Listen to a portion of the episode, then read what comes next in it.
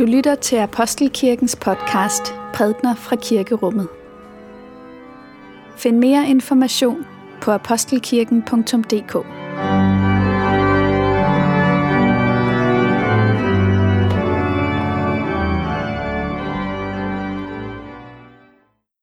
Godmorgen og velmødt til gudstjeneste på denne anden søndag i Trinitatis. Vi skal i dag lytte til to tekster, der handler om festmåltidet, det store festmåltid. Den ene er Esajas' profeti, og den anden er Jesu lignelse. Og titlen på vores gudstjeneste i dag, det er Lavt er ej bænket, hvem Gud sidder nær. Så den kan man jo lige tykke lidt på. Det er det sidste, den sidste sætning i den første salme, vi synger. Denne hellige lektie skrives hos profeten Esajas. På dette bjerg skal herskers herre holde måltid for alle folkene. Et festmåltid med fede retter og lagret vin, med magfede retter og ædel lagret vin. Så opsluges på dette bjerg sløret, det slør, der ligger over alle folkene, det dække, der er bredt over alle folkeslag. Døden opsluges for evigt. Gud Herren tørrer tårerne af hvert ansigt. Han fjerner spotten mod sit folk fra hele jorden, for Herren har talt. På den dag skal man sige, han er vor Gud. Vi satte vort håb til ham, og han frelste os. Han er Herren, ham håbede vi på. Lad os juble og glæde os over hans frelse. Amen. Vi skal læse fra evangelisten Lukas. Lad os takke for Guds ord. For Guds ord i skriften, for Guds ord i blandt os, for Guds ord inden i os, takker vi dig, Gud. Jesus sagde, der var en mand, som ville holde et stort festmåltid og indbød mange. Da festen skulle begynde, sendte han sin tjener ud for at sige til de indbudte, Kom, nu er alt reddet. Men de gav sig alle som en til at undskylde sig. Den første sagde til ham, Jeg har købt en mark og bliver nødt til at gå ud og se til den. Jeg beder dig, have mig undskyldt. En anden sagde, Jeg har købt fem par okser og skal ud og prøve dem. Jeg beder dig, have mig undskyldt. Og en tredje sagde, Jeg har lige giftet mig, og derfor kan jeg ikke komme. Tjeneren kom tilbage og fortalte sin herre dette. Da blev husets herre vred og sagde til tjeneren, Gå straks ud på byens gader og stræder og hent de fattige vandfører, blinde og lamme herind. Og tjeneren meldte, Herre, det er sket, som du befalede, men der er stadig plads. Så sagde herren til tjeneren, Gå ud på vejene og langs skærene og nød dem til at komme, så mit hus kan blive fyldt. For jeg siger jer, ingen af de mænd, som var indbudt, skal smage mit måltid. Lad os bede. Må min munds ord og vores hjerters tanker være dig til behag, Gud. Amen. I mandags var vi, som vi plejer, samlet til orkidé-time. Og orkidé-time, det er jo den her mandag formiddagssamling, som vi har, hvor vi læser den kommende søndags tekst og drøfter den og øh, deler tanker og erfaringer i lyset af den tekst. Og, og der var en i mandags, som delte en barndomserindring, som jeg har fået lov at dele med jer. Han fortalte, at han var opvokset i et øh, kirkeligt hjem, og det var en del af deres familietradition, at de øh, hver sommer tog på DMS familielejr. DMS, Dansk Missionsselskab, så en god kirkelig fællesskab. Nå, på den lejr var der hvert år en kvinde til stede, som var lidt, hvad skal man sige, anderledes. En original, særling vil nogen måske sige. Hun var sådan, det kunne man bare også som barn fornemme, at der var noget med hende. Nå, men hun fylder så rundt og beslutter sig for, at hun vil lave en fest. Og til den fest vil hun jo invitere sine venner, og hvem er hendes venner? Det er jo dem, hun er på sommerlejr med. Så hun inviterer alle de her gode mennesker, som kommer på den årlige sommerlejr. Og så opstår den her pinlige ventetid, hvor folk lurpasser. Der er ingen, der rigtig svarer. Man hører sådan lidt rundt, hvad har I også modtaget? Og ja, altså det er jo ikke fordi, det er jo ikke øh, sådan, at vi normalt har selskabelig omgang og, og så videre, men, men nu ligger invitationen der altså på bordet.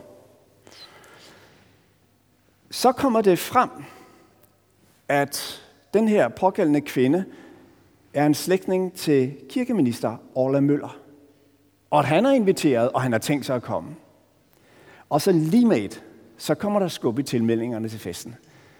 Naturligvis vil vi gerne komme. Tak for invitationen, og så videre. Og, og vi kunne ikke lade være med at smile, da vi hørte den historie, for det er så, det er så menneskeligt. Hvem af os vil ikke have en tilsvarende reaktion, hvis vi lige pludselig hører det, når, når han kommer os?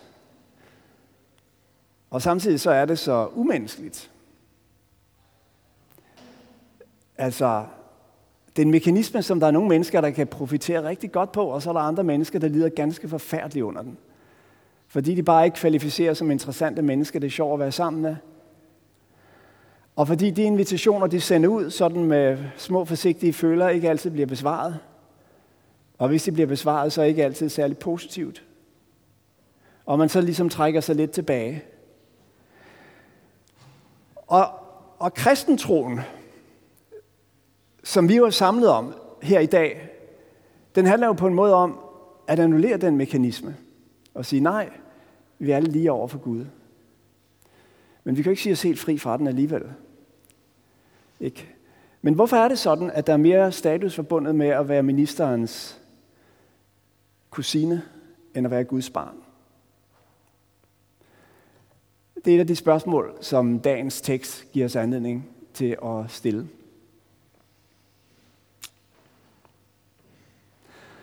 Der er en anden historie, en gammel historie om øhm, Alexander den Store, den berømte krigsherre, konge, som øh, underlagde det meste af den kendte verden øh, gennem sin krigstogt øh, og gjorde det til en del af sit rige. Han var meget betaget af en, en tænker, der hed Diogenes. Og på et tidspunkt så besluttede han sig, at nu vil han opsøge Diogenes og, og ligesom prøve at få en snak med ham.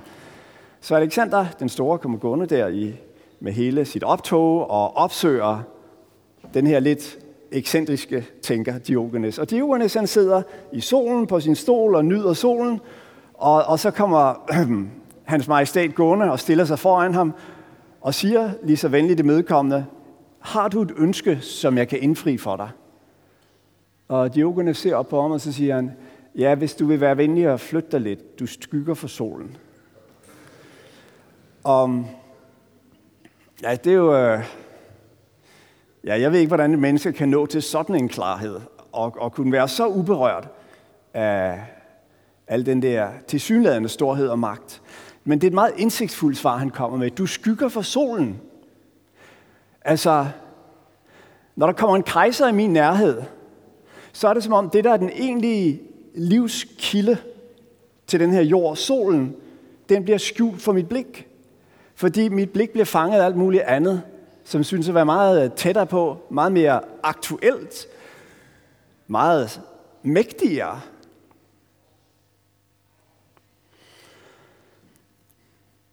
Den lignelse, Jesus fortalte sine disciple i dag, den handler om en mand, der ville holde en stor fest og indbød mange. Der står ikke noget om anledning. Altså han vil bare holde en fest. Punktum. Han vil gerne glæde sig med andre. Og, øhm, og han sender invitationer ud. Og de her mange gæster, alle som en, undskylder de sig. Og øh, der bliver nævnt tre undskyldninger i, i lignelsen. Den første undskyldning er, det er en, som lige har erhvervet en mark. Og så siger han, jeg er nødt til at tage ud og se på den. Hvad er det for en nødvendighed, der er tale om her? Altså, du har købt den. Det er ikke sådan, at du er nødt til at hvad skal man sige, bese den og vurdere den, inden du slår til og køber den. Handlen er afsluttet, arbejdet er gjort, du er en fri mand, Marken tilhører dig, men der er alligevel en form for nødvendighed, der gør, at den her mand, han må gå ud på sin mark. Hvad skal han derud? Jamen altså, jeg ser for mig, at han, øh, han, han bare har sådan en stor trang til at stille sig op i skældet af den mark og stå og kigge ind over den. Og ligesom tænke på, den her mark, den skal, der skal, der skal, den skal give afgrøde. Og det, de afgrøder, de skal give afkast. Og ligesom nyde tanken om det, det, som den her mark vil gøre ved hans liv. Og som man stod der, ja, så ville der sikkert også melde sig en tanke om hans nabo, som jo altså ikke havde en mark, der var helt så fin. Og han ville blive fanget i de her selvkredsende tanker. Og den trang, trangen til at komme derhen og nyde sin besiddelse, den var stærkere end trangen til at komme og til del i festen. Det samme gælder den næste, som har købt fem par okser. De er altså købt. Handlen er overstået, men han skal lige ud og prøve at pløje med dem. Altså, så vil han stå der, og han vil nyde synet af de her stærke dyr, der trækker ploven igennem jorden. Og ligesom forestille sig, hvor meget jord de vil kunne lægge, han vil kunne lægge øh, under plov øh, ved deres indsats. Og, og, og, og den tredje, han er lige blevet gift. Fint. Så er I to. Altså, ægteskab, det handler jo ikke bare om tosomhed, det handler om at være to, der går ud i verden sammen. Men nej, jeg bliver nødt til at blive hjemme, fordi jeg lige er blevet gift. Så her har vi altså nogle undskyldninger, der dybest set handler om, at man går glip af den store fælles glæde, fordi man er så optaget af sin egen lille glæde. Det er den mekanisme, som Jesus øh, udstiller i den her lignelse. C.S. Lewis han holdt under krigen en tale, en prædiken, hvor han brugte et billede. Han siger, det moderne menneske, det er som et slumbarn, et barn, der er opvokset i slummen, og som får tilbudt en ferie ved havet, men som foretrækker at få lov til at blive ved med at lave mudderkær i baggården. Fordi barnet slet ikke kan forestille sig, hvad det er for noget med et hav og en strand og hvad jeg ved. Det, det er det, som sker i tilfældet med de her mennesker. Den store glæde, glæden ved festen, den glæde, vi er fælles om og sammen i, den har ikke den tiltrækning øh, på dem, fordi at der er en glæde, som er mindre, men som er deres udelukkende. Noget, de har frem for andre, i stedet for at have det sammen med andre. Og det er det mere dyrebart. Og derfor bliver de forhindret i at komme til det store bryllup. Og hermed peger lignelsen på en far, en åndelig far i vores liv, nemlig at vi fylder vores liv med, med drømme og forestillinger om, at vi godt kunne tænke os at opnå. Og sammenligninger med andre, og overvejelser om, hvordan andre ser på os. Og hvordan vi tager os ud i andre menneskers øjne. Og nogle gange så kan de her overvejelser følge os med sådan en, en, en sødme og en, en form for glæde, men det er en smålig glæde. Og det er virkelig en glæde, der er med til at holde os ude fra den store glæde. Så kommer så anden stadie i lignelsen, nemlig hvor øh, øh, Herren øh, lader invitationen gå videre. Så tydeligvis så første fase, det var ligesom det bedre borgerskab, eller adlen får man vel nærmest indtryk af. Øhm, da de så siger nej, så går invitationen videre til de fattige og blinde og lamme og vandfører. Og derfra endnu længere ud, altså ikke bare dem, der sidder inde i byen, men også dem udenfor, der sidder ved, ved, ved gærene Øhm, og det sidste, så nøder han den til at komme ind. Altså, der skal ikke være nogen beskedenhed, ingen forsagthed, der, der får hold til at komme tilbage. Kom nu.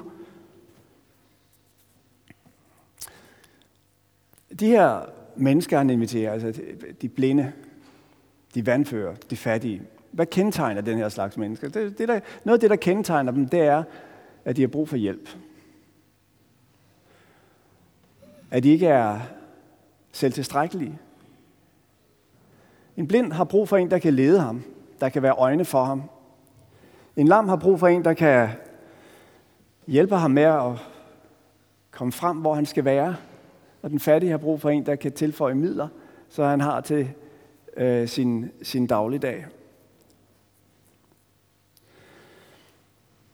Når vi øh, indleder vores gudstjeneste og beder den her bøn, som vi beder hver søndag, hvor vi siger, helbred mig, så jeg bliver hel, så sætter vi os på øh, den blindes og krøblingens og den fattiges plads og siger, jeg er kommet ind i det her hus i dag, ikke fordi at jeg har sådan en særinteresse, der hedder det åndelige og det kristelige, som jeg gerne vil dyrke, og som ligesom også er en del af min historie og mig i verden.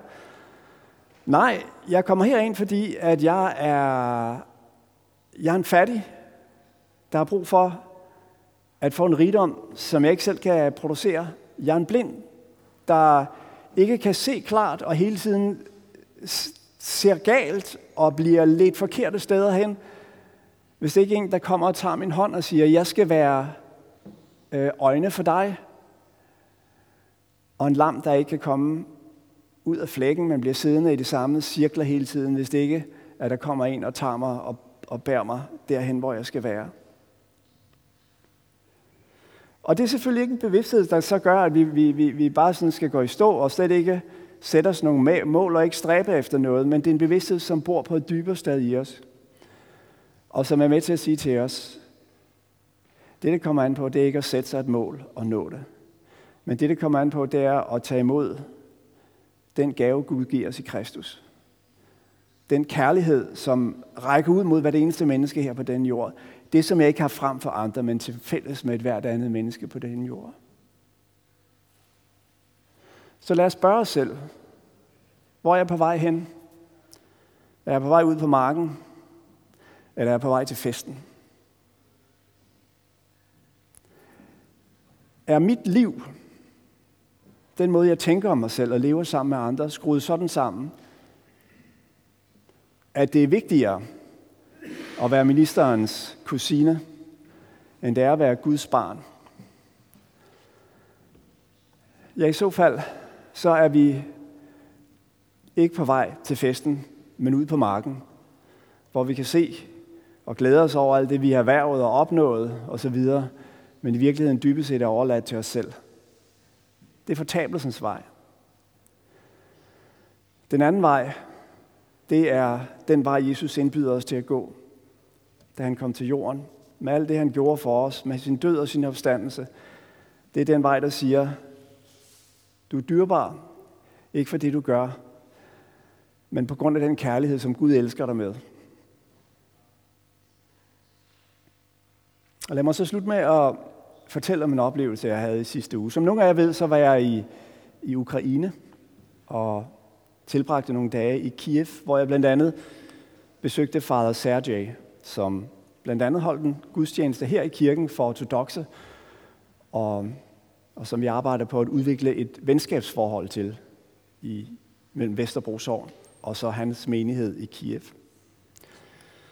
Lørdag var der i hans lille kirke en særlig ceremoni, som, var, som svarer noget til det, som vi fejrer, når vi fejrer alle helgen.